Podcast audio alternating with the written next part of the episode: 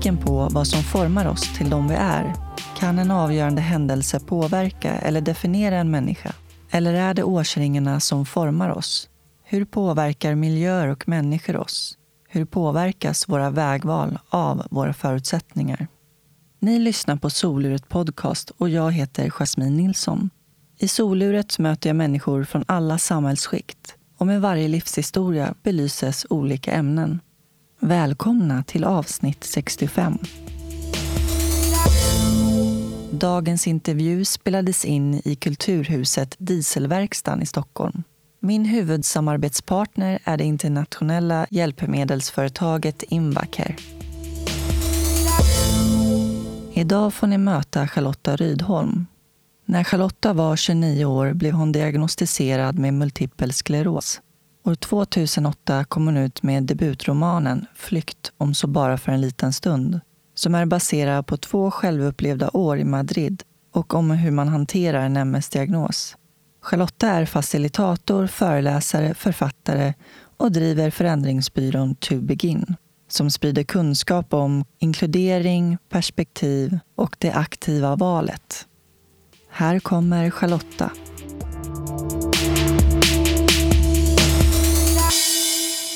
Känns det bra? Det känns jättebra. Skönt att höra.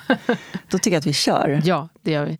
Välkommen till soluret, Charlotta. Tack så mycket. Hur mår du? Jag mår riktigt bra. Dagen började bra, fortsatte ännu bättre. Och så mötte jag dig och din man och hans kompis, eller din kompis där nere. Och ni var så trevligt möte. Ja, vad härligt att du känner så. Så, så jag känner mig bara, det här kan bara bli jättekul. Skönt att höra. Ja, du är ju verkligen en mångsysslare. Ja. Och jag har hört dig beskriva dig själv som en eh, möjliggörare. ja. Kan du eh, berätta lite om varför du benämner dig själv som det? Mm, därför att jag har någon slags förmåga att hjälpa någon annan att se vad som går att göra.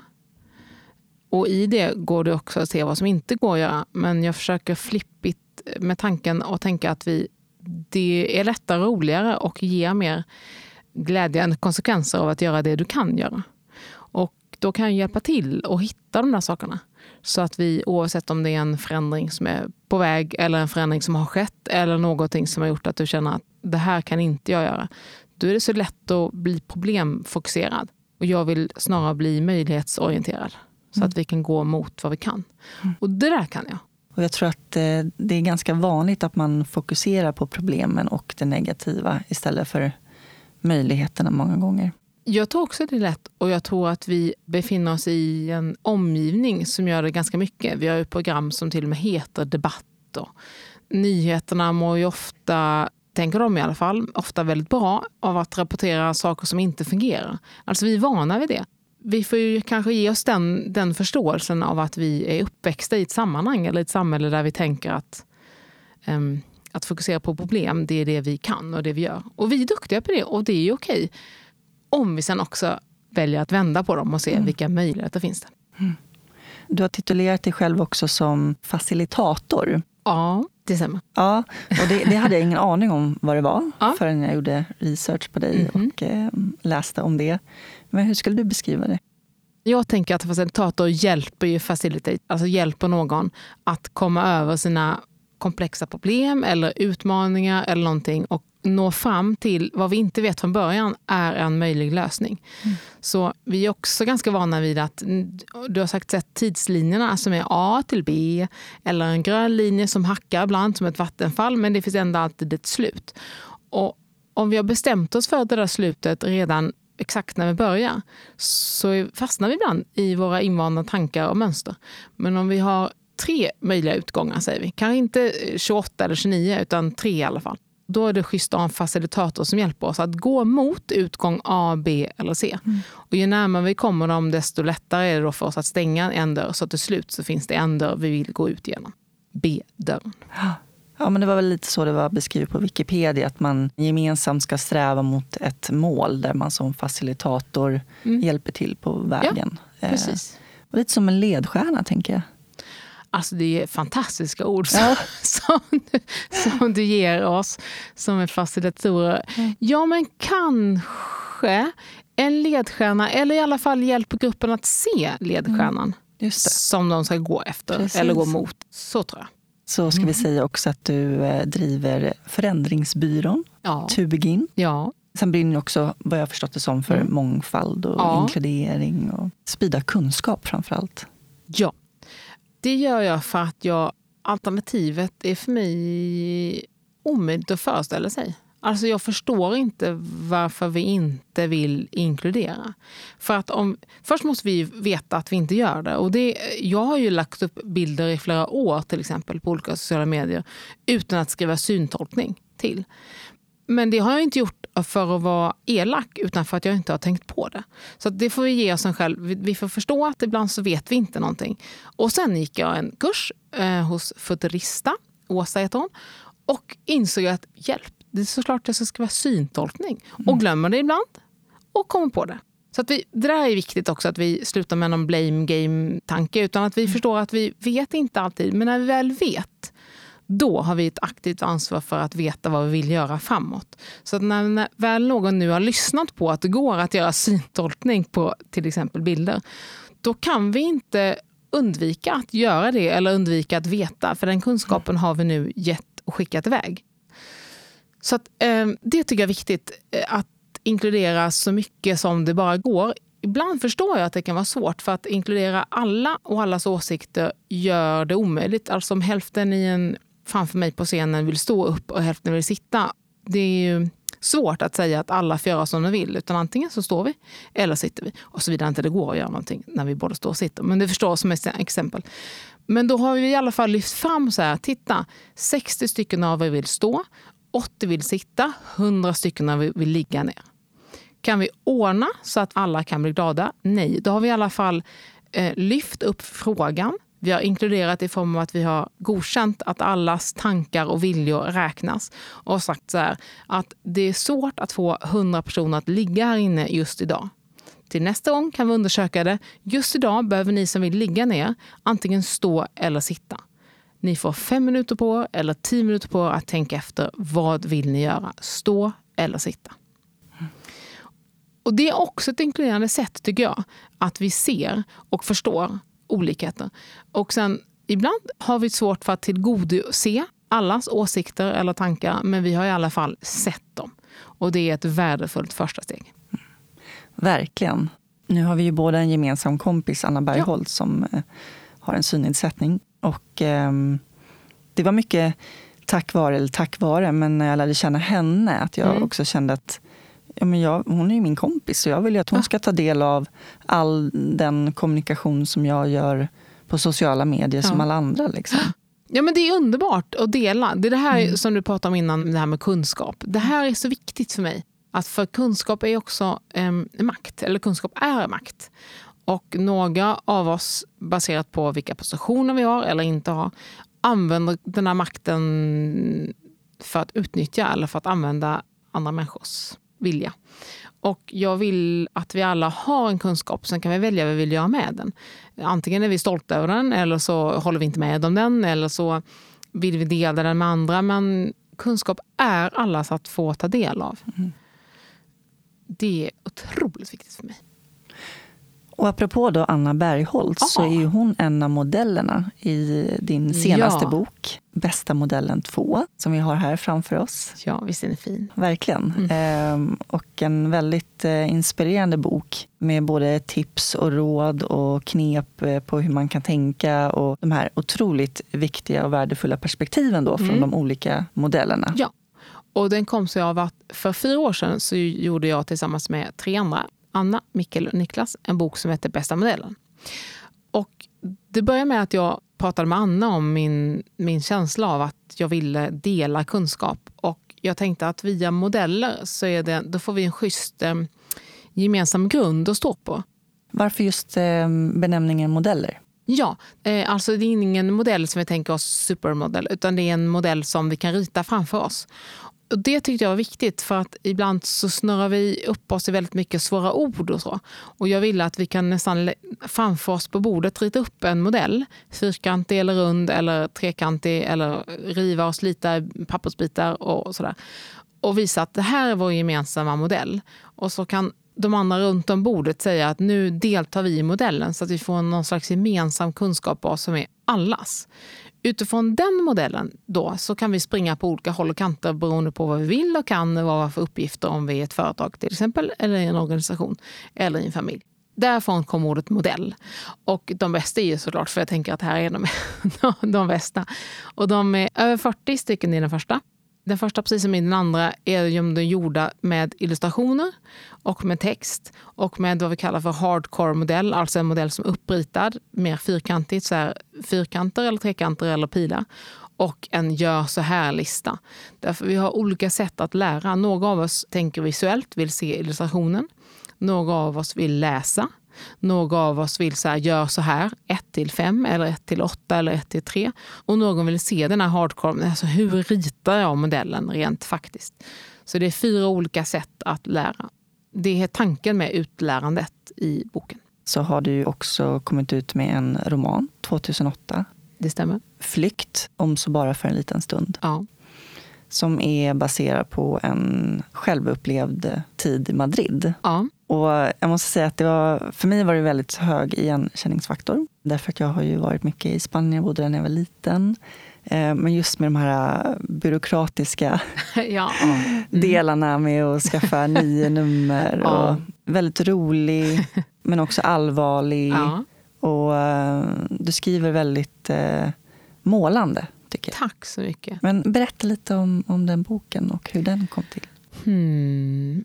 2008 gavs den ut. Då, ja. och då hade jag skrivit om några saker som hände i Madrid. Som du säger, det här med skaffa nio-numret eller mm, hur, porter, hur porteron, um, portvakten. portvakten försökte linda och tejpa en läckande vatten, ett vattenrör.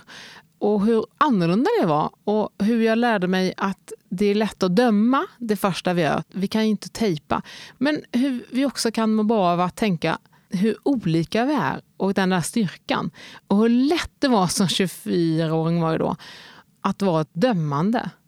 Eh, men nu kanske jag är lite hård mot mig själv i boken, för den, är också, den handlar ju om allt som hände där och då skrev jag hem om det. Och då sa någon, det här, ska du inte göra en bok om det här? Ja, och så var det ett bokförlag som kontaktade mig och sa, vi ger ut spanska böcker, eller böcker vars innehåll utspelar sig i Spanien. Och det var intressant och då sa de att vi behöver någon mer nerv så det inte blir en kåseribok. Mm, och då tänkte jag, vilken nerv ska jag hitta nu? Ja, men då kanske min MS-diagnos var en nerv. Och det tyckte de också. Mm. Så då la jag in, då varvas mina upplevelser där som är som du säger ganska målande och roliga. Mm. Och sen kanske skrattet fastnar för att då handlar det om hur du hanterar en MS-diagnos. Så att, mm. så boken upplagd, att den varvar ganska snabbt, tror jag också, mellan allvar och skatt. Nu har vi ju nämnt här att ja. du har en MS-diagnos. Men jag ja. tänker att, eh, som jag brukar göra med intervjun, att vi, vi tar det från början. Ja. Och du föddes den 24 september 1974. Ja, det stämmer. Vart kommer du ifrån?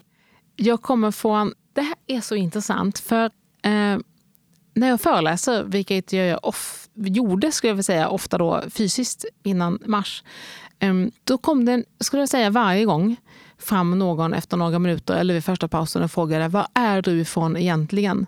För att min dialekt är svårplacerad, eller kanske inte så placerad att det är från norrifrån i Sverige, men i alla fall någonstans i södra regionerna. Ehm, och när du frågar så här, var är du ifrån så borde mitt enkla svar bara kunna bli Helsingborg. För där har jag bott från jag var tre till jag var 18. Och varför är det så svårt för mig att inte bara säga Helsingborg? Varför vill jag då? Då drar jag upp hela. Mm. Nej men du vet, jag är född i Lidköping. För där gjorde min pappa AT-tjänst. Det har jag ju fått lära mig. Det är ju ingenting jag egentligen helt vet. Men jag litar ju mm. på mina, för, mina föräldrar i det här fallet. Men, och sen bodde jag i Helsingborg mellan jag var 3 och 18. Och sen när jag fyllde 18 så flyttade jag därifrån och har ju flyttat enormt mycket för jag har studerat och gjort olika grejer från när jag var 18 till jag var 28 kanske, 29 och träffade Thomas som nu är min man. Men ett jättekomplicerat svar på den korta frågan var är du ifrån Helsingborg. Mm. Och hur var det att växa upp i Helsingborg? Um, härligt, tänker jag. Därför att det är ju så onödigt att jämföra sig med annat. Så att jag hade en jättebra uppväxt. Jag har två fantastiska föräldrar. Urban och Eva. Jag har en underbar syster, Carolina. Och sen har både mamma, pappa och Carolina många vänner av olika slag som gör livet väldigt roligt att leva. Och jag själv hade ett basketlag som jag älskade över allt annat. Och så gick jag skolan, hade fina vänner där. En av dem bor jag 300 meter från idag, fast i Vaxholm. Otroligt. Ja, så att, ja, det var en väldigt härlig uppväxt. Hur var du som liten? Jag var ganska påhittig. Jag accepterade inte orättvisor. Alltså jag tyckte inte om när någon blev illa behandlad. Stark eh, rättvisepatos. Extremt. Alltså nästan lite, skulle jag säga, jobbigt ibland tror jag. För dem, eller ja, jag är rätt säker, borde det vara för dem i min närhet. Men du vet, jag gjorde namninsamlingar när någon lärare slutade. Tog inte reda på dem läraren kanske ville sluta. Utan jag tyckte bara det var helt fel att en lärare fick gå efter ett år. Vilket är ju underbart att den som går sjuan gör och skaffar dit, du vet, radio och tv kom dit och sådär. Men det hade kanske också varit schysst att fråga den här personen, vill du kanske sluta? Åh, den där lilla Charlotta. Jo, men hon gjorde mycket sånt där.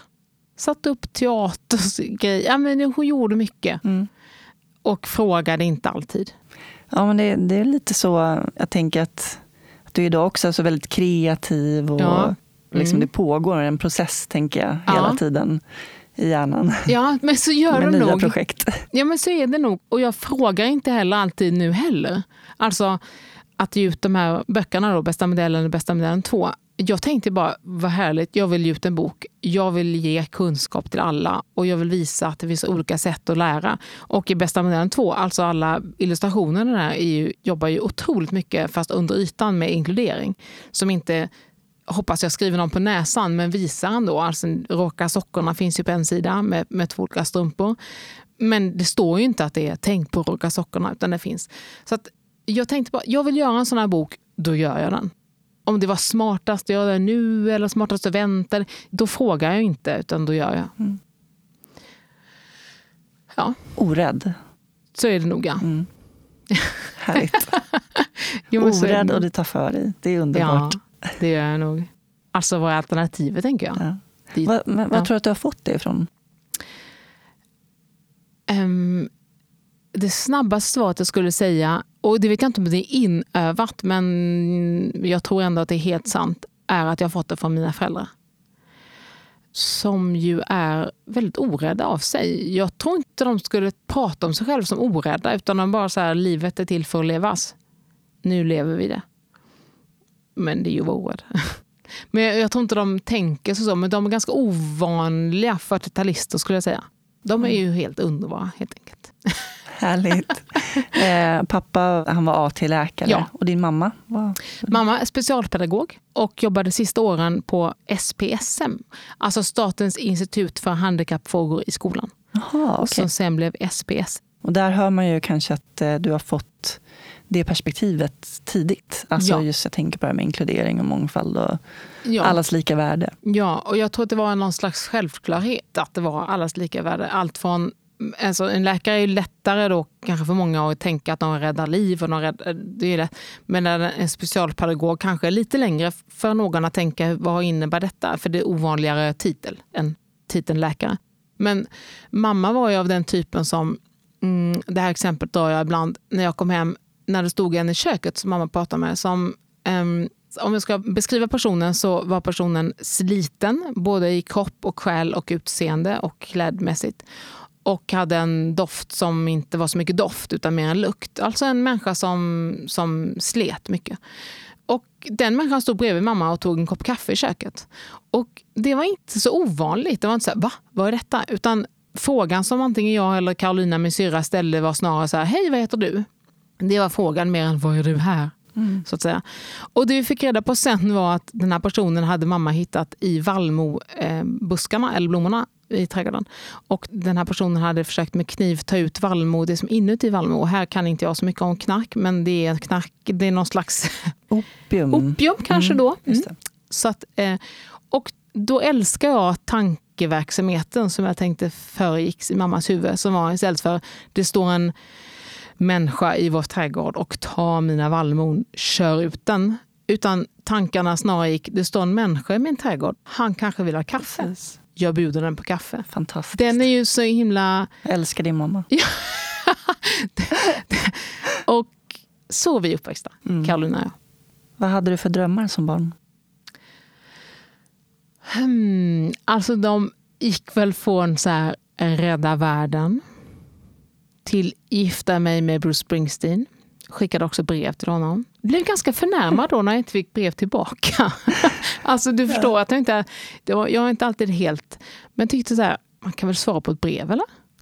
Brevväxlade med Kalankas chefredaktör, Signe.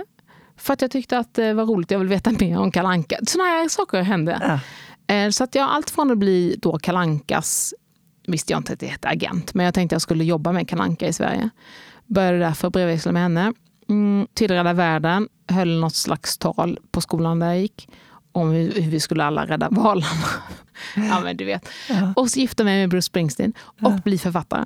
Ja. Och sen spelar du basket också. ja, jag är faktiskt 1,62 och en halv. Ja. Mm. Men, Men du var en snabb vessla. men jag var snabb. Det var precis Det så. brukar vara så när man är Och jag kortare. hade alltid en fem foul. Alltså alltid fyra foul. Femte foulen blir du utvisad. Och några minuter kvar kunde jag kosta på mig ett femte foul för då, då skulle vi kanske ändå vinna eller förlora. Vi vann ganska ofta. Och basketen var lika rolig som vännerna där var underbara. Så det var ju som en andra familj. Både de tjejerna, alltså vi, 74 år, ehm, men hela basketatmosfären. Alltså hur basket... Jag har inte spelat så mycket sport att jag kan jämföra, men jag upplever det som att basketen är otroligt tillåtande. I form av olikheter. Ja, precis. Och varför fortsatte du inte med basketen sen? Vi höll på där, femman, sexan, sjuan, åttan, nian. Sen kom vi, blev det damlaget i ettan, tvåan, trean. Och sen började jag plugga i Lund. Och då blev det liksom ingenting. Det var som ett naturligt avslut då. På grund av studier främst, tror jag. Du har ju eh, åkt omkring en del. Ja. Eh, läste bland annat Cardiff Ja, och om ditt första jobb på Arbetsmarknadsverket. Alltså det du, gud vad roligt. Vilket arbete du gjort. Som har, ja. Alltså vet du vad som hände? Har vi tid ska jag berätta för dig. Ja. Jag kom hem från Cardiff. Där jag hade läst media och kommunikation, någonting. Och fotografi och så. Ja. Så kom jag hem med mina väskor. Det här är också min underbara pappa. Han räddade ju verkligen världen. Han har ju byggt sjukhus i Indien. För, alltså, han räddar ju verkligen världen. Wow. Men det är ju också att han så här, saker som inte är livsviktiga kommer ibland, du vet, inte alltid lätt för honom att komma ihåg. Eller väljer han kanske att inte komma ihåg. Så jag kom hem och så ringde Arbetsmarknadsverket och sa hej, vill du ha ett jobb som informatör i Stockholm? Pff, lät ju där kul, jag var inte där kvar så länge heller. Eh, Men det var ett jobb. Och det var direkt när jag kom hem från studierna. Det var ju fantastiskt och det var schysst ingångslön och allt det där. Så jag sa ja. Och så gick det någon vecka eller två och så började jag packa mina väskor. Och då kom pappa på, du, just det, ja, SVT ringde ju. SVT var ju väldigt mycket roligare i Malmö också än AMV i Stockholm. Utan att någon nu behöver bli sur. Så tyckte jag det som 24-åring. Eh, just det, de ringde om något jobb som du skulle göra, som någon reporter eller någonting. Jag kommer inte riktigt ihåg, men jag har lagt numret här någonstans. Mm. Och när jag ringde var det ju helt... De, du vet, jag fick ett nummer till växeln och pappa kommer inte riktigt ihåg vem det var som hade ringt. och sådär. Jag ringde dit och hej, jag heter Charlotta. Någon på SVT ringde mig om ett jobb för två veckor sedan. Jaha, nej det vet vi ingenting om. Hej då. Så åkte jag upp till AMV istället för ner till Mal- Malmö som någon reporter på SVT. Ja, Ja. Sånt är livet. Lite skillnad ändå. Det var väl lite skillnad va? Var det där du kom in på IT då? Ja, Jaha, Ja. just det. Ja, precis. Då var jag med och gjorde ett intranät. Mm. Och sen ringde min kusin mig och sa du, jag jobbar på något som heter Razorfish. Alltså det var på den namnet heter Spray och Digital Media, vet, Speedway, Digital Army och allt det där heter de. Ehm, jag jobbar på något som heter Razorfish. Det är IT och det är internet och det är massor med kul saker. Vill du börja? Ja, sa jag. Och vad gjorde du där? Där tog jag hand om företag som ville hoppa på tåget. Ni vet, det här internettåget. Just det. Och då sa vi alla 25-åringar att ja, ja, kom till oss med era pengar. Vi kan göra storverk. Vilket faktiskt ska sägas med lite allvar, vi också gjorde. Det fanns enormt många bra människor där. Och alltså, det fanns ingen gräns för vad de kunde göra. Utan gränsen var nog snarare att vi saknade ibland så här verklighetsförankring. Det kan vara ganska bra. Men den är också väldigt bra att inte ha när du ska skapa någonting nytt. Men vi var tidiga tror jag med väldigt mycket. Och de var väldigt, väldigt duktiga. Och efter det då så sa ju Razorfish så här, åh vi kanske ska ta över Iberiska halvön och starta ett kontor i Madrid. Vem kan spanska? Och då tänkte jag så här, vem bestämmer hur mycket sp spanska vi kan kunna? Ja. ja, men så var det i alla fall. Jag tänkte, vad, vadå? Du läste på gymnasiet spanska, var det så? Ja, två. Mm. Exakt, så jag kunde El perro debajo de la mesa, alltså hunden under bordet. Du vet, de där kunde jag. La maleta por favor. I, säger du i taxin när du vill få ut resväskan från... Du vet, de där kunde jag. Hola, senor. Och, sånt mm. ja. och då sa jag till Göran att jag kan hänga på. Göran var ju då ledaren för själva övertagandet av Iberiska halvön. Och då sa han, du får kanske gå en liten spansk kurs. Så jag gjorde en snabb spanskkurs på några veckor här hemma. Och sen åkte vi ner. Men det är så här, än en gång så orädd. Du bara gör. Du alltså, bara, det var ju nu kör vi liksom. Men jag tänkte, precis. Vet du, jag tänkte också så här att, du vet, vad sägs det? If not me, who? Alltså, mm. vem bestämmer? Om någon frågar så här, är det någon som kan spanska? Så har vi på något vis ibland lärt oss att den här meningen betyder vem kan spanska utan innan och helst är född i Spanien tre gånger om. Men det är ingen som har sagt det. Den här frågan, vem kan spanska, får du själv definiera vad betyder det. Just. Så mycket tänkte jag inte då, alltså så långt. Men jag, när jag nu försöker backtracka mitt liv tack vare dig, mm. så tror jag att jag har tänkt så ofta, vem bestämmer det här? Vem, vem har sagt att meningen vem kan spanska ska vara vem kan spanska flawless, perfekt. Mm. Utan, det är ingen som har frågat efter det.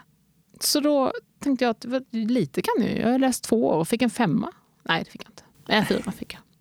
Jag tycker att det är viktigt att vi, att vi själva definierar de där åsikterna, tankarna, sanningarna. Det var i samma veva då också som du fick din MS Nej, vet du, den fick jag senare. Okay. Har lite grann ljugit i boken. Okay. Nej, jag har inte ljugit i boken, för boken är ju en skönlitterär. Precis. Så att diagnosen fick jag senare, men jag har skjutit ihop den i boken som att jag fick den då. Så att Eduardo i boken, en spanjorboken som är min pojkvän, som jag då också hängde med i Spanien. Han visste ju inte om att jag hade MS där, utan det är Thomas kan man säga, som jag nu lever med. Eh, för min MS-diagnos fick jag när vi hade dejtat i några veckor. Vad gjorde den tiden med dig i Madrid? Och den gjorde mycket. Den gjorde att jag eh, fick leva mitt egna liv, tror jag. Hmm. Vad gjorde tiden i Spanien med mig? Var det, som i boken, var det en flykt för dig med? Även om det inte var på grund av Nej, precis. Men, var det, men det var nog, precis. Det var nog som någon slags flykt. Eller i alla fall var det nog som... Det började som bara så här, åh vad kul, det här vill jag prova. Eller förändring. Eller förändring. Du har helt rätt. Åh, så lätt det är att läsa. Eh, det var nog någon slags behov av förändring. Som sen ju också när jag åkte därifrån var en slags behov av icke-förändring. Jag ville ju stanna kvar egentligen. Eh, och stannade ju kvar fast arbetet blev flyttat till Stockholm. Och började skriva på boken. Och hade nog en plan egentligen på att kunna åka tillbaka. Jag lärde mig massor om både mig själv och om andra kulturer och om tillåtelse och ja, så mycket. Så jag ville nog inte åka tillbaka heller för jag ville inte förstöra det som var då. Det är ett fantastiskt minne som jag fortfarande drar väldigt mycket mm, energi ifrån. Jag läste att um, mötet med Spanien var som att komma hem. Ja. Det var det. En ganska fysisk person och älskar att vara i ett sammanhang. Jag vill att vi ska vi ska vara ihop. och sen så kan någon få sova på golvet och någon hänga i ribbstolen och tre prata och en stå och göra någonting annat. Men jag vill gärna... Och så är det ju i Spanien. Vardagsrummet är utflyttat till gatan. Vi, vi är med varandra och vi tillåter. Vi, du vet när jag gick hem från nattklubben och tänkte att nu går jag hem sent. Då mötte jag ju damen med käppen. Då var hon på väg ut. Bara, vad fan? Jag, jag, jag är jättetuff, jag går hem nu. Sent. Nej, men det, det, är underbart att få möta de där, de där oväntade sakerna som gör att du behöver tänka om. Mm. Det behövde jag verkligen. Att få tänka om. Mm. Förändra mitt, mina tankar. Och hur var det att skiljas från Spanien? Det var jättesorgligt. Det var väldigt sorgligt att sätta sig på flygplanet den där sista gången med de sista sakerna. Därför lämnade jag också kvar lite saker. Jag lämnade nog kvar det för att ha en känsla av att kunna komma tillbaka om jag ville. Mm. Det var väldigt sorgligt att åka tillbaka och det var nog också nödvändigt. Mm. För att nu är minnet ljuvligt att gå tillbaka till. Men då, då skrev du på boken där nere. Mm. Men då, då, visste inte du om din MS-diagnos? Nej, det visste jag inte. Jag skrev liksom mm. allt, allt i boken som inte är kursivt. Om någon öppnar boken. Allt, allt som händer i boken rent vardagsmässigt. Det hände helt som det gjorde. De här kursiva avsnitten som handlar mycket mer om känslor, om jag vaknar på natten och jag upptäcker att jag drömmer på spanska och hur mina sprutblåmärken blir stora och hur Eduardo ger mig sprutor på rumpan. Ehm, det är ju Thomas som ger de sprutorna åt mig. De där delarna skedde hemma i Sverige sen då, när jag träffade Thomas. Berätta hur eh, det började. Det började med att jag satt i en kontorstol med datorn framför och började klia mig lite på, rygg, på vänstra, i vänstra ryggslutet, alltså ovanför höften. Där började det klia lite grann. Och så kom jag hem och så tittade jag och så, nej, det var inget blåmärke och ingenting, men det kliade. Och så började det spridas lite grann som en halvcirkel. Och sen tänkte jag, vadå, är det här eh, ringorm, höll jag på att säga. Jag menar, eh, du vet. Äh, bältros. bältros. Mm. eh, nej, det var det ju inte. Och sen började det sprida sig lite mot benet. Och då ringde jag pappa. Det gjorde jag inte då direkt. Det är också väldigt fjantigt. Ja, men jag, du vet, jag tänkte att det här går ju över. Men det gjorde det ju inte. Så då ringde jag och då ville han att jag skulle ha koll på det. Först tänkte vi om det var någonting med äggstock nacken kanske, för det satt precis där. Ja, så var det inte det. Och så började det sprida sig ner i benet och då är det definitivt... Alltså, jag, jag, tror att, jag har inte pratat med pappa om det, men jag tror ganska säkert på att han visste mycket, mycket tidigare än jag vad det var. så att säga. Um, och så gick det en sån sockerdricka i benet. Alltså som en... Och det här var i juni. Jag, vänta nu, jag cyklade Vätternrundan 15 juni, det var mitten på juni. Och sen träffade jag Thomas då och sen började Så det började samtidigt, ja, juni, juli 2003.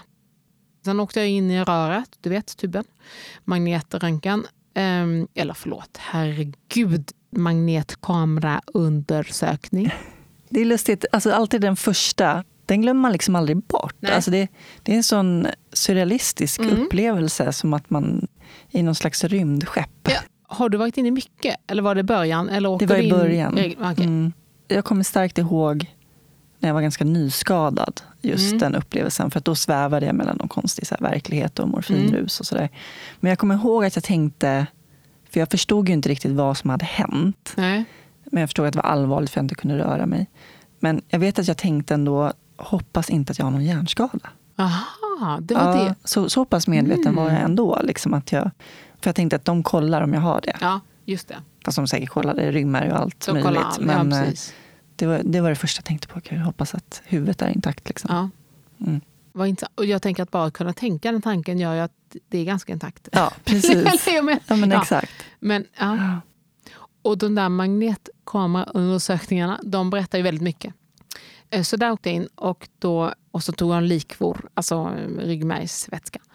Och det är ju det är smärtsamt. Ja, mm. det var inte jätteskönt. Jag tror inte så många vet vad det innebär. Kan du berätta vad det Nej, men de sticker en nål mellan två stycken ryggkotor och så tar de vätskan som ryggmärgen och hjärnan simmar i, så att säga.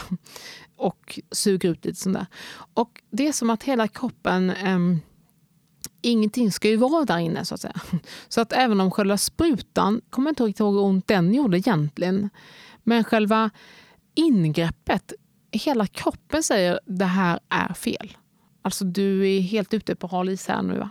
Du ska inte in här Så att det gör, gör ont i hela, liksom, på något vis, det, ja, det är svårt att förklara. Mm. Men dels gör det ont, själva sprutan och själva ingreppet. Och sen gör själva att det sker väldigt ont. Alltså kroppen skriker att det här får du inte göra. Mm. Så det gjorde de ändå. Eh, Berättade de för dig vad det var de skulle kolla? Eller vad, liksom, vad de tänkte Nej. med undersökningen? Det gjorde de inte. Oh, jag försöker komma ihåg. Nej, det gjorde de inte. Nej, det kan de inte ha gjort för att jag kommer ihåg när John Hanko, som läkaren hette då, gav mig beskedet sen. Så det kan de inte ha gjort. Utan först var det undersökningarna och sen kommer jag ihåg mycket väl i soffan kvällen innan.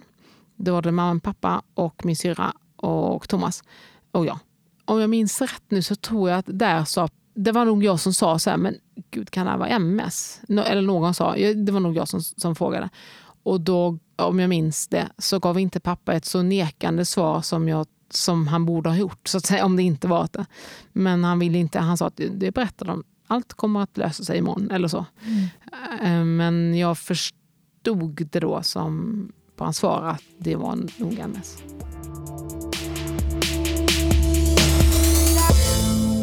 Nu tar vi en kort paus och ringer upp min samarbetspartner Invacare.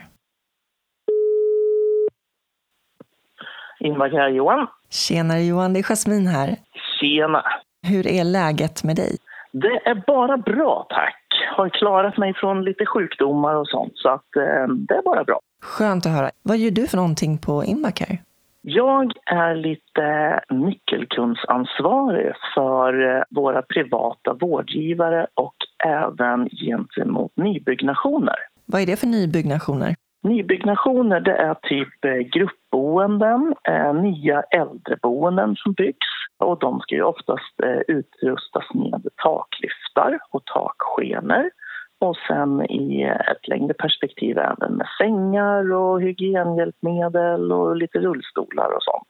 Jag förstår. Hur har det påverkat så här nu under coronatiderna? Peppar peppar så har det faktiskt inte påverkat så där jättemycket.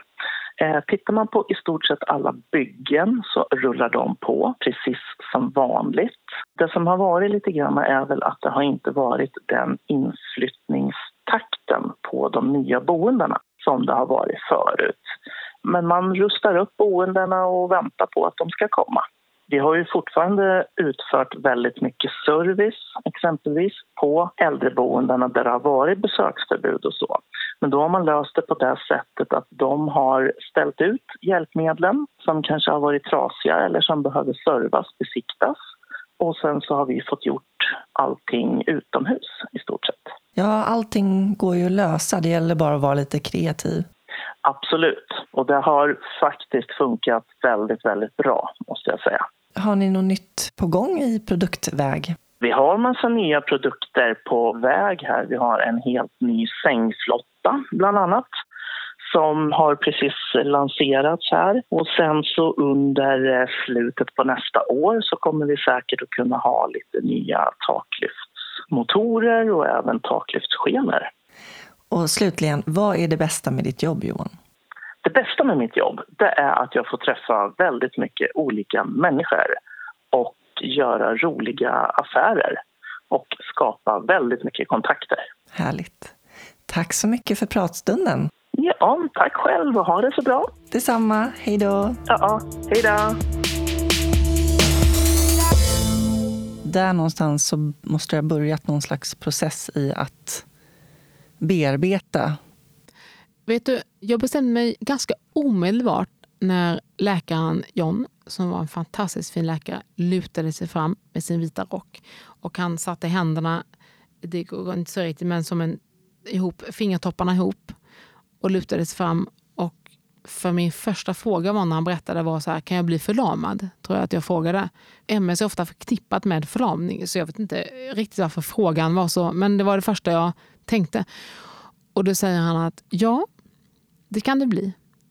Det kan också din pappa som satt i rummet, eh, din mamma som satt i rummet och din syster och Thomas bli. Eh, skillnaden är i så fall, eh, de kan bli det om de blir överkörda av en buss. Och du kan också bli det. Skillnaden är väl att du i så fall vet hur din buss ser ut. Så himla bra Ja, sagt. det var så fantastiskt. Så att, Ja. då bestämde jag mig för att okej, antingen kan jag leva med någon slags osäker framtid eller så lever jag nu. Den är omöjlig att få mig att ändra på. eh, det, så har jag levt sedan dess. Men det tänker jag att du har gjort innan också. Ja, Alltså, jag Ja. får den känslan. Att du... Det kanske jag har gjort då. Du vet, jag är ju gammalt eksembarn.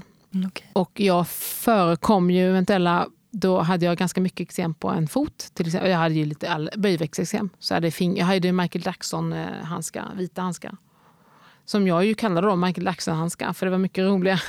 och jag bad det i kaliumper, vad heter det? kaliumpergara, någonting.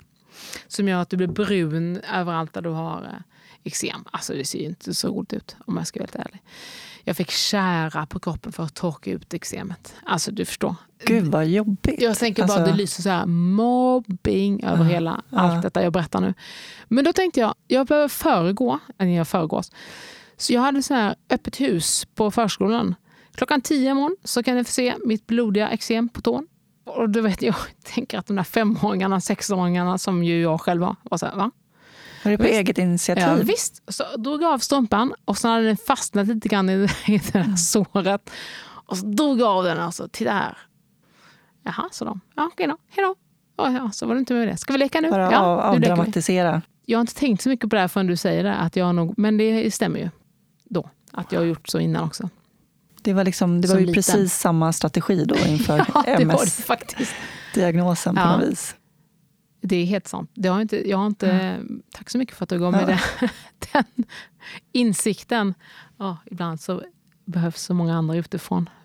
Ja, men det är det som är så häftigt och fascinerande med människor, hur vi formas och utvecklas. Och det är så många steg på vägen också som Ja, gör oss till de vi är. ja. Samtidigt som jag är helt säker på att vi, vi också är födda som vi är. Precis, ja. Det här säger väl lite att vi är väl det, eftersom jag gjorde det så tidigt. Mm. Ja. Jag var ju fem år gammal och sen när jag fick diagnosen var jag 29. Men ehm, hur... eh, Okej. Först och främst så tänker jag att vi ska eh, berätta för lyssnarna vad MS innebär och vad det är för diagnos. MS står för multipel skleros. Som Eh, när jag berättar det här eh, som för mina barn och för enkelhetens skull, för att inte fastna i läkartermer så mycket, så kan vi säga att mitt immunförsvar är lite för pikt. Och det blir därmed lite uttråkat. Och tänker, hmm, vad ska jag rädda eller knapa på idag? Och finns det då inga bakterier eller annat att knapa på så knapar de lite grann på myelinet som är fettet som gör att våra, nerv, våra signaler går fort. Så att signalen från hjärnan till vänster hand, lyft boken, eh, som egentligen ska gå som en motorväg, drrrt, och så ska lyfta boken. Om myelinet är borta, alltså fettet, så hör man ju nästan att det glider inte lika fort. Så det är det motorväg och sen lite grusväg, för där har immunförsvaret knaprat lite grann på myelinet. Och så blir det motorväg igen. Och det gör att ibland syns det och ibland syns det inte. Att det tar lite, lite längre tid att ta boken. Och är det lite knaprat bara så går det fort. Men personen som har det kan känna det och märka det väldigt väl. Jag märkte det ju till exempel då med benet, att eh, det här som började i ryggen som spred sig ner i benet, att när jag sprang så gick det långsammare med vänsterben. Men när jag frågade Thomas, titta nu när jag går eller när jag springer, så såg han ingen skillnad alls. Men jag kände skillnaden och bara den är lite obehaglig vad gäller balansen till exempel. Um, eller att du så här, spiller jag nu när jag tar vattenglaset? Eller så där. Och sen kan det ju vara grusväg då väldigt stor bit och då har du svårare för att ens fånga ett glas eller ta ett glas eller gå såklart. Mm. Beroende på hur mycket grusvägar du har. Mycket bra beskrivet. Och det finns väl olika grader också. Det finns det. Progressiv Ja, och... ja, precis. ja. Det finns fyra olika. Den ena är liksom att du bara får en gång var 15 år eller var 20 år. Och den, Skov då. skov, förlåt, att någonting händer i kroppen, Ja. att de börjar äta. Och det kallas för plack. Man ser det i, i magnetkameran som vita ytor i hjärnan och på ryggmärgen. Sen går den ofta den här MSen över till den sekundära, att den går långsamt. Så att i början kan du ha skov som helt återställer dig. Och sen efter ett tag, 10-15 år, 20 år, beroende på när du får medicinen och vilken medicin du har och länge och så vidare, så gör den att du sakta men säkert blir sämre. Och i och med att det finns så mycket medicin nu så är det svårt att veta vad är det som blir sämre. För att någon, någon sa till mig också, du är ju 45 nu. Jag är 46 faktiskt, om en månad. Så att mycket, mycket annat gör ju också att vi åldras. Alltså, ja, vi är ju åldrande varelser. Ja. Så frågan är vad som är vad till Just det. slut. Jag upplever det som att eh, de flesta har väldigt lite kunskap om Ja. MS. Att det är lite stigmatiserat Ja, det eh, och att många förknippar det med döden. Liksom. Ja. Lite som ALS, men Ja, det är just ju det. inte det. Liksom, utan det är ju två olika. Och man kan ju leva med MS ett långt, långt liv. Ja, ja, visst. Och eh, det kan te sig så himla olika Ja. hos olika individer. Ja, så är det. Och jag tror att någon, precis som du sa, någon sa till mig, aha, MS det är som ALS light. Och det är det ju inte. Nej. Och sen är det så onödigt att jämföra saker. För jämför vi så ganska ofta säger vi så här, det finns andra som har det värre och så där. Och då sätter vi våra egna, så här, vem är det som har det värre? Och vad är värre? Det är så onödigt. Det är bättre att vi håller reda på oss själva än att vi håller reda på andra som har det så fall värre. Och så där. så att det tycker jag är onödigt att jämföra. Utan multipel skleros är som du säger en sjukdom som innan, eller en diagnos som innan medicinen fanns, nog oftare blev degenerativ sjukdom. Alltså att den blir sämre och sämre fortare. Men tack vare medicinerna så skjuts den där ehm, det framåt, processen framåt. Ja. Och den är så olika för olika människor. Mm. Jag är ju balans, när jag anstränger mig så, så är min balans lite sådär. Och min syn blir också sämre när jag anstränger mig. Det har jag. Liksom. Och någon annan har hjälpmedel, andra hjälpmedel. Balansen tycker jag är svår. Mm. Och den tycker jag också är svår. Alltså, äh, synen är nog också svår när jag till exempel igår eller förrgår skulle bada med tjejerna på ön där vi bor. Med Thomas. Och då är solen precis den håller på att gå ner. Och den lyser nästan rakt in i ögonen. Och det tycker nog alla är lite obekvämt. Men jag har så svårt för att jag kan inte se då. Alltså den, den tar hela mitt synfält. Och då blir min balans ganska uppfuckad. Alltså då tycker jag inte det alls det är kul att veta. Är det här en sten? Eller är det upp, liksom, går det upp eller går det ner? Eller är det, vad är det vi är på? Grusväg nu eller är vi på asfalt? Och, så. och det är ju tråkigt när jag går där med tjejerna. Och bara, mm, jag badar kanske bara tio minuter. Mm. Å andra sidan är det väldigt roliga tio minuter. Ja, precis. När fick du ditt första barn? Klara kom 2008, så föddes hon. Och sen så kom Ebba i februari 2010. Det märker jag på Klara Ebba hur, hur fantastiskt fint det är och också det kniper lite grann i mitt hjärta när vi går ner för kanske en trappa och solen står på. Liksom. Och hur, de, hur det direkt kommer en hand till min hjälp. Eller om vi går ner för en brant backe. Hur det kommer en barnhand som sträcks ut utan att frågan kommer ens. Utan den bara sträcks ut. Ja. Det är ju lika underbart som, som faktiskt lite så här, oh, hjärtknipande. Men jag då tänker jag att den här handen sträcker de ut väldigt ofta till olika människor i olika situationer. Om de gör det Precis. så självklart på något vis. För mig. Och det är ju, det är ju väldigt fint att tänka. Otroligt fint. Jag blir nästan lite rörd. Men, ja. det hände ju väldigt mycket på en och samma gång. Då. Jag tänker du Mm. fick diagnoser och så träffade du också kärleken Ja. i ditt liv. Ja. Mycket känslor, tänker jag. Och Mm. liksom, hur var det att få den diagnosen samtidigt som du hade träffat Thomas? Eftersom diagnosen ehm, jag inte visste så mycket. En diagnos är ju ofta en diagnos som säger någonting att i framtiden kanske det blir så här. Men just när du får den är det ju bara som det är. så att säga. Ehm, men jag kommer ihåg att jag sa till Thomas eh, i september, kanske då, eh, oktober. Jag fick diagnosen i början, mitten av september. Och sen så sa jag till honom ganska tidigt att du, jag fattar, du kan bara gå. Alltså, så. Och då och jag vet inte riktigt varför jag sa det. Jo, jag ville nog ha övertaget. Du vet, det var jag som bestämde. Liksom, ingen ska komma här och jag vet. Det här kan bli jobbigt för dig. Du är fri. Jag entledigar dig från detta. Och då säger Thomas så här, det är ju dig jag dejtar, inte MSen. Ja, precis. Nej, sa jag. då dejtar vi väl vidare. Och så gjorde vi det. Och för dig har det varit viktigt också och, eh, att säga att du inte är sjuk. Ja, det är väldigt viktigt. Varför är det viktigt? Jo, för jag... Jo, därför att till exempel du säger att jag har glasögon, minus fyra, alltså närsynt och astmatisk och numera även sån här eh, progressiv. Alltså, du vet att jag, Som kommer med åldern. Så kommer åldern. Ja, eh, så det är tre. Men jag, jag kallar mig inte för synsjuk. Utan jag är närsynt. Och jag har en MS-diagnos. Eh, jag är inte MS-sjuk. Där, varför är det så viktigt? Jo, för jag tror att när vi säger sjuk så är det motsatsen till frisk. Så det finns en del som vill i så fall göra mig frisk. Och det finns ju en del, tror jag, mig då, som vill göra mig frisk. Men om jag då känner mig ganska frisk så är det så svårt. Då, nej, du är sjuk. Va? Jag är sjuk? Alltså, jag vet ju att jag har MS, så det är inte så att jag förtränger det. Nej. Utan jag har en MS-diagnos. Den är väldigt tydlig för mig en gång i veckan när jag tar spruta. Och den är tydlig för mig när solen står i mina ögon. Och den är tydlig för mig när jag springer. Eh, Så jag vet att jag har den. Så det handlar inte om att förringa eller förtränga den. Men ordet sjuk gör mig ibland sjuk. Mm. Och det vill jag bestämma själv. Ja, men det förstår jag verkligen. Och det är lite så jag känner också med min eh, ryggmärgsskada. Att Ja. jag, jag är inte min ryggmärgsskada. Nej, Jag är inte min funktionsnedsättning. Nej. Jag är Jasmin Ja, först och det. främst. Ja, precis. Och sen lever jag Ja. med en ryggmärgsskada. Ja, och sen kan du prata om den och du gör poddar, inte om just den, men om... Och det är så härligt att kunna få göra det utan att, utan att identifiera sig som sjuk. Det är inte därför du gör det. Nej.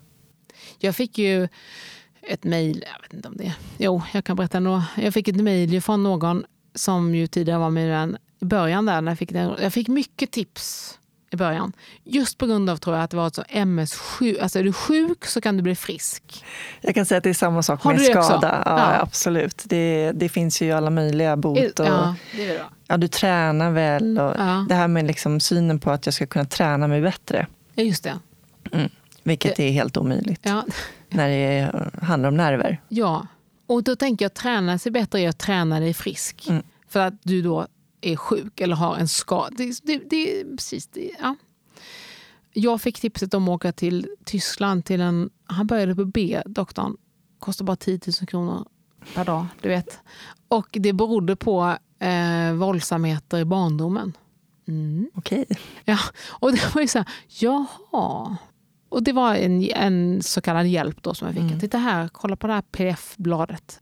För det, det är en anklagelse att det har hänt mig våldsamheter i barn. Att det, ja. Men mycket sånt var det Ja. i början. Faktiskt, det där har jag nästan förträngt nu. Eller jag har i alla fall glömt bort det. För det, det får jag inte nu. Men då fick jag mycket, och mycket om maten och mycket om holistisk... Ja, mycket. Jag känner verkligen igen mig i det. Alltså. Men där någonstans så måste man ju, precis som du ganska snabbt bestämde dig för att liksom, du är inte din sjukdom Nej. och jag är inte min skada. Nej, eh, och eh, på något sätt landa i det själv. Mm. och eh, känna att man är stolt över den man är och inte låta yttre faktorer och åsikter på något sätt dra ner en. Nej, Utan, precis. Ja. Jag kunde också bli arg av att de kunde säga att eh, "Ja, men du fick för lite sol på dig när du var liten. Bara, ja, okej. Alltså, du vet. ja. Eller det, är överrepresenterat, vilket det är, är Mm. MSN på norra eh, halvklotet. Men jag kan inte göra... Eller, ja, det är fortfarande som Ja. det är. jag kan inte backa. Eller, Nej. ja, När jag var i USA och pluggade då var det ju många som ville frälsa mig. Och så, Mm. Som tyckte Aha. att om jag eh, tror tillräckligt mycket på Gud så kan Mm. han hjälpa mig och göra mig frisk. gå, liksom. Ja, men lite så. Mm. Så det är mycket sånt där genom åren Ja. som man ändå liksom man måste lära sig att kanalisera det. Liksom, Mm, För eller- att ja. eh, liksom, orka med det. Ja.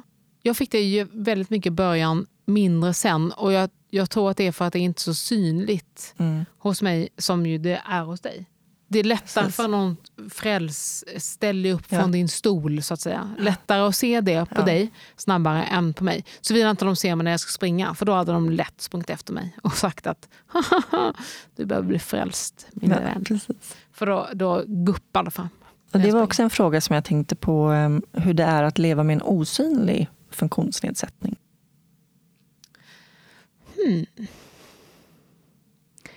Ehm, den frågan skulle kanske också vara så himla intressant och kanske också ge ganska mycket att ställa till de som är nära. Som till exempel till Thomas. För han får ju stå ut med att jag blir frustrerad till exempel. Eh, när jag inte får vänsterstöveln lika lätt som högerstöveln. Och då vet jag att han kommer direkt till undsättning. Men om han inte kommer fort nog så kan jag bli lite, inte på honom, men jag blir arg på situationen. Och då finns det en person i rummet som jag då kan bli arg på. Och det råkar vara Thomas som står och drar av min stövel. Och ändå så är det så här, vad ska jag nu bli arg på? Och så min ilskan riktar sig då, inte så mycket mot honom, men jag tror att han, känner, han blir ju frustrerad så att han känner det. Så att en osynlig sjukdom jag tänker inte så mycket på den. Eller jo, det gör jag ju såklart när jag inte kan se och när jag inte kan springa. Men jag tänker inte så mycket på att den är osynlig så att säga. Mm. Men jag är rätt säker på att Thomas skulle säga någonting annat. Ja, för jag tänker att det kanske finns situationer där, säger en dag där du har lite sämre balans mm. och sådär. Um, men där man ändå inte ser på en gång att det är någonting. Nej. Jag tänker att det kan finnas en en känsla av att du vill ändå förmedla att, att folk ska veta. Alltså inte mm. ursäkta, men förstår du hur jag tänker? Jag alltså, förstår helt hur du tänker. Mm. Jag försöker, och, varför jag liksom, till och med blundar och försöker komma på är för att jag skulle säga att jag är ganska dålig på Eh, så här, vad ska jag välja som jag är dålig på? Ta upp min lista. jag är dålig på en del saker vad gäller detta och det är att jag är dålig på att prata om det för att jag är hemma då. För jag tänker att åh, nu skriver jag dåligt, säger vi med högerhanden. Och så blir jag arg på det, men jag vill inte ge det mer tid. Men det dumma med det såklart är ju att jag har ju kvar ilskan i kroppen. Alltså när jag ska skriva upp min, på min to-do-lista, säger vi, betala räkningen i morgon och så blir morgon helt slarvigt där för jag blir trött i handen. Ah, så blir jag arg och då bestämmer jag mig fort och här går det superfort i mitt huvud. Så tänker jag, skit i det, låt den vara där, du vet, det som har hänt på pappret är det. Nu är det slut.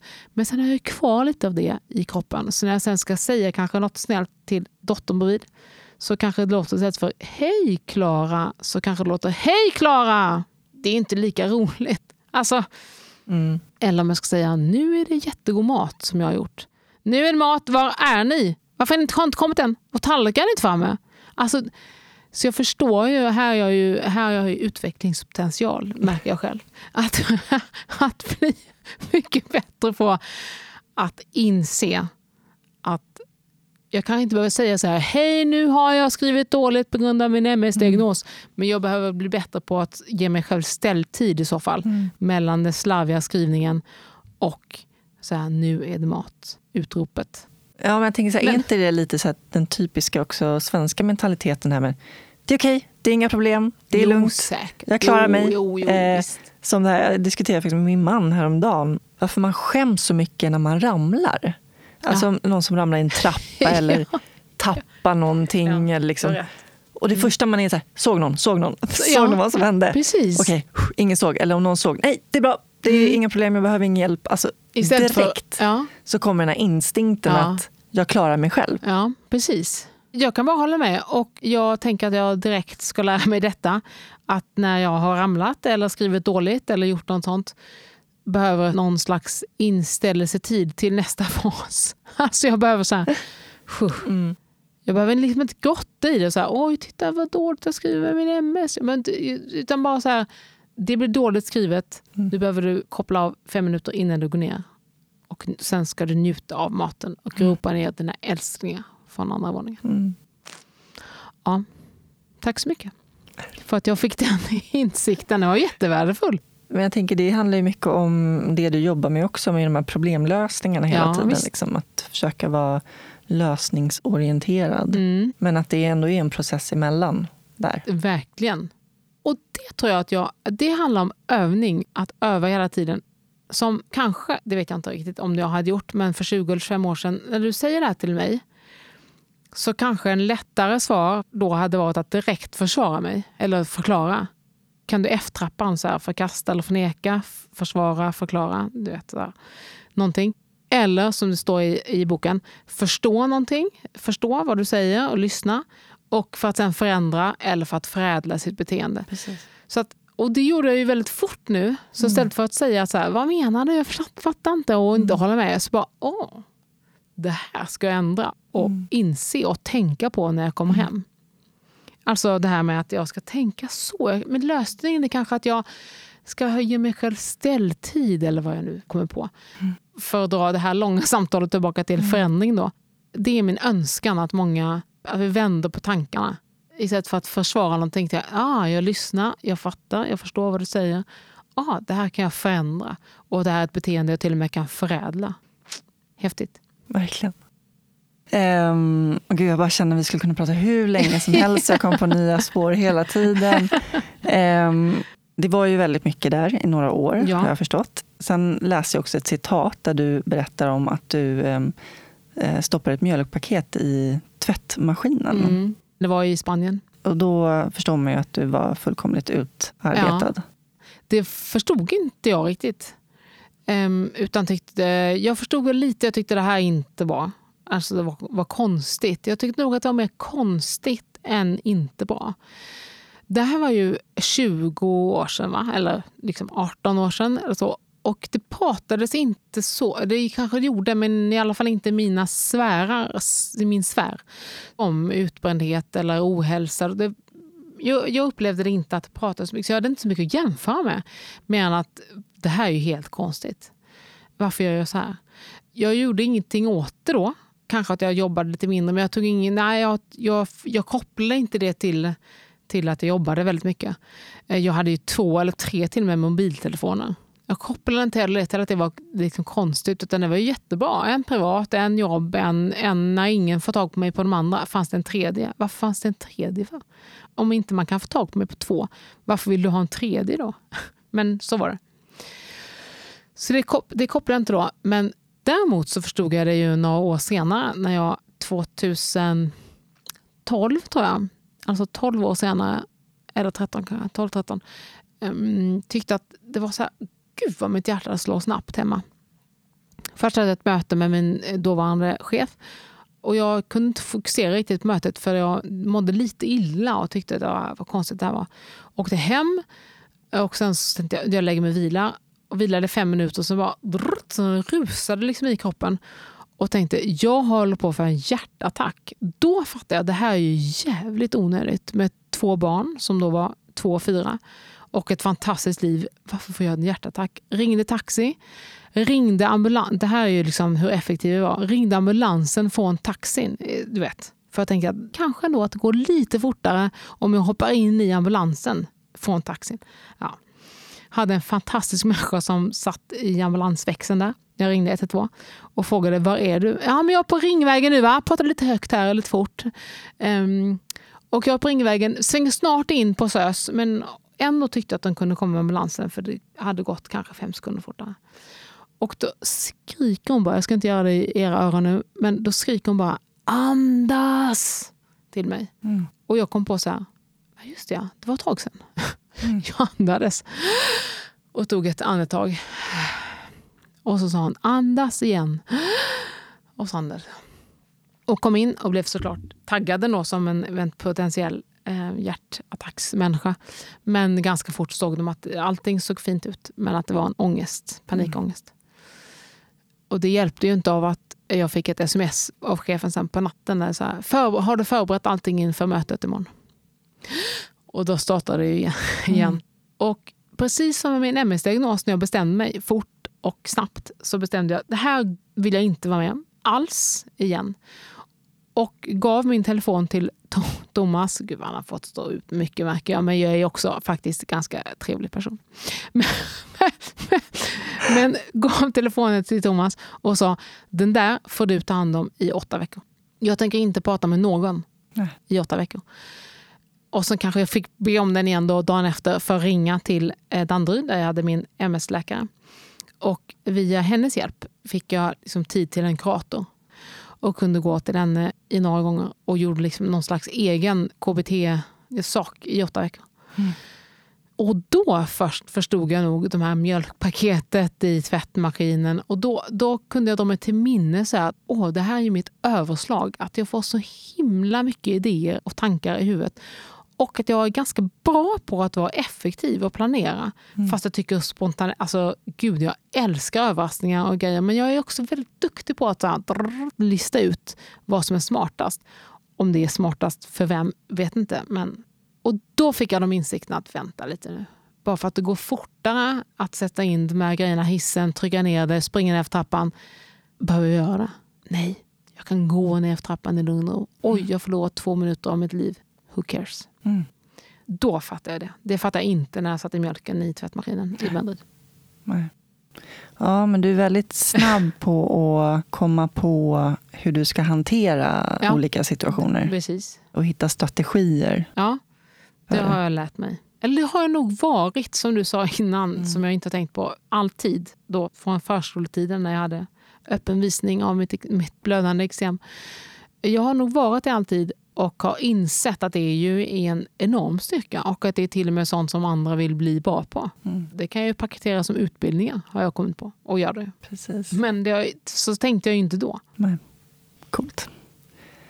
Vad innebär det för dig att vara människa?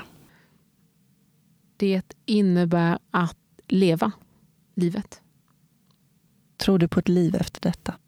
Jag är så himla fokuserad på detta livet.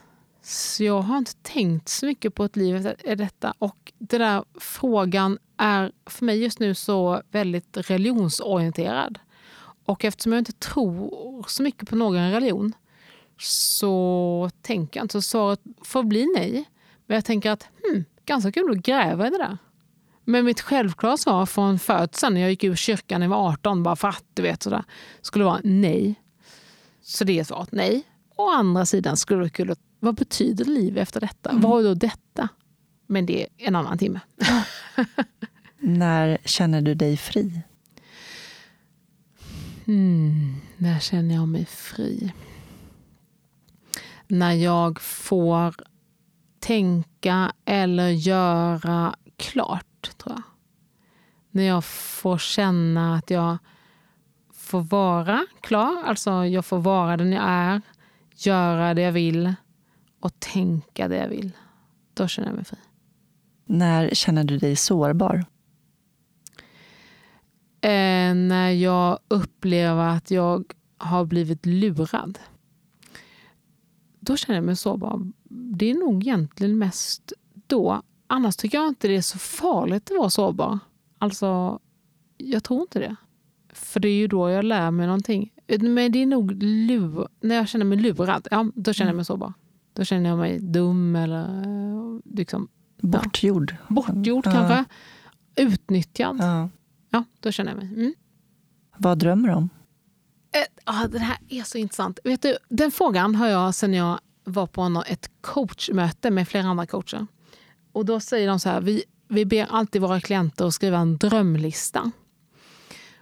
Och den som inte har några drömmar är det liksom lite synd om. För den människan då, ja, den har inga drömmar, den vill ingenting, den kan ingenting, den kanske bara kallsvettas. Och jag tyckte, vadå?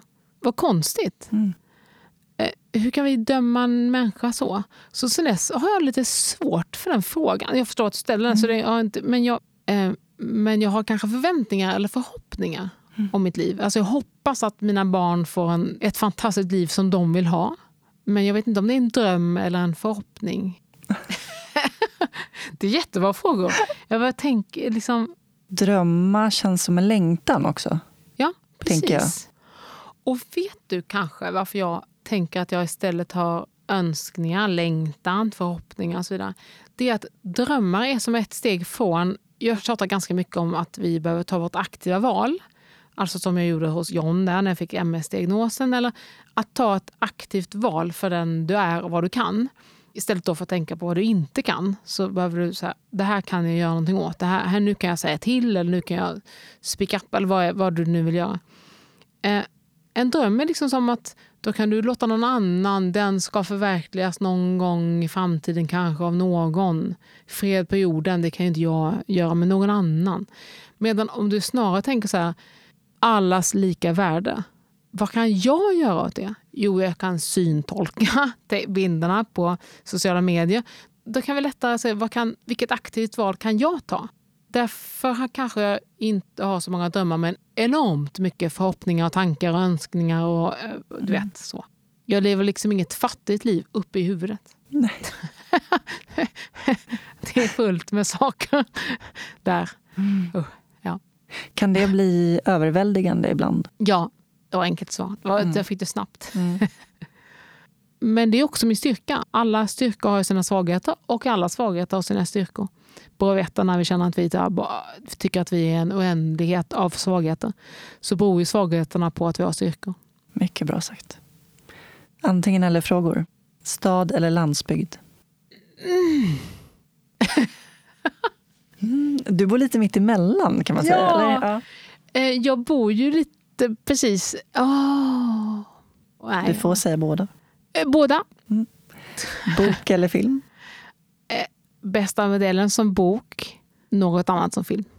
Kött eller grönsaker? Grönsaker. Planering eller spontanitet? Vi snuddade på det lite innan. Ja. där när vi pratade. Um, jag älskar spontanitet och jag är en jävel på att planera. Mm. Se eller höra? Se. Lyssna eller prata? Alltså, nu har jag ju pratat i en timme. Så att hade jag sagt lyssna nu hade det bara varit inte helt sant. För nu har jag ju babblat på. Men å andra sidan kommer jag att lyssna väldigt mycket på vägen hem i bilen. Tack så jättemycket Charlotta. Tack för att jag fick vara här i din fantastiska podd. Tack så mycket.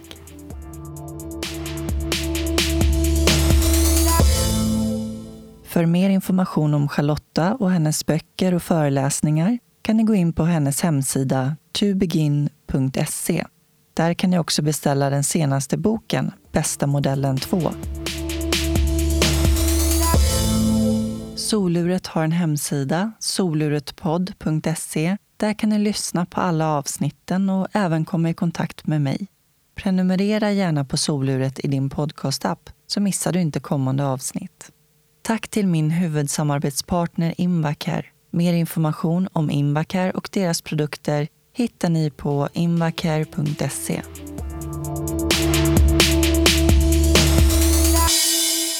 I nästa avsnitt får ni möta Mattias Gebreab. Mattias är en av huvudpersonerna i SVT-dokumentären Älskade Husby som skildrar uppväxten i Stockholmsförorten på 90-talet. Mattias mamma var tung missbrukare, hans pappa var ensamstående och Mattias axlade tidigt ansvaret över sina syskon. År 2011 blev hans lilla syster Karen ihjälslagen på sin arbetsplats i häktet. Karens önskan var att få hjälpa utsatta människor och idag arbetar Mattias som mentor med barn och ungdomar inom socialtjänsten. Tack så mycket för att ni lyssnade. Ta hand om varandra där ute. Puss och kram. Hej då.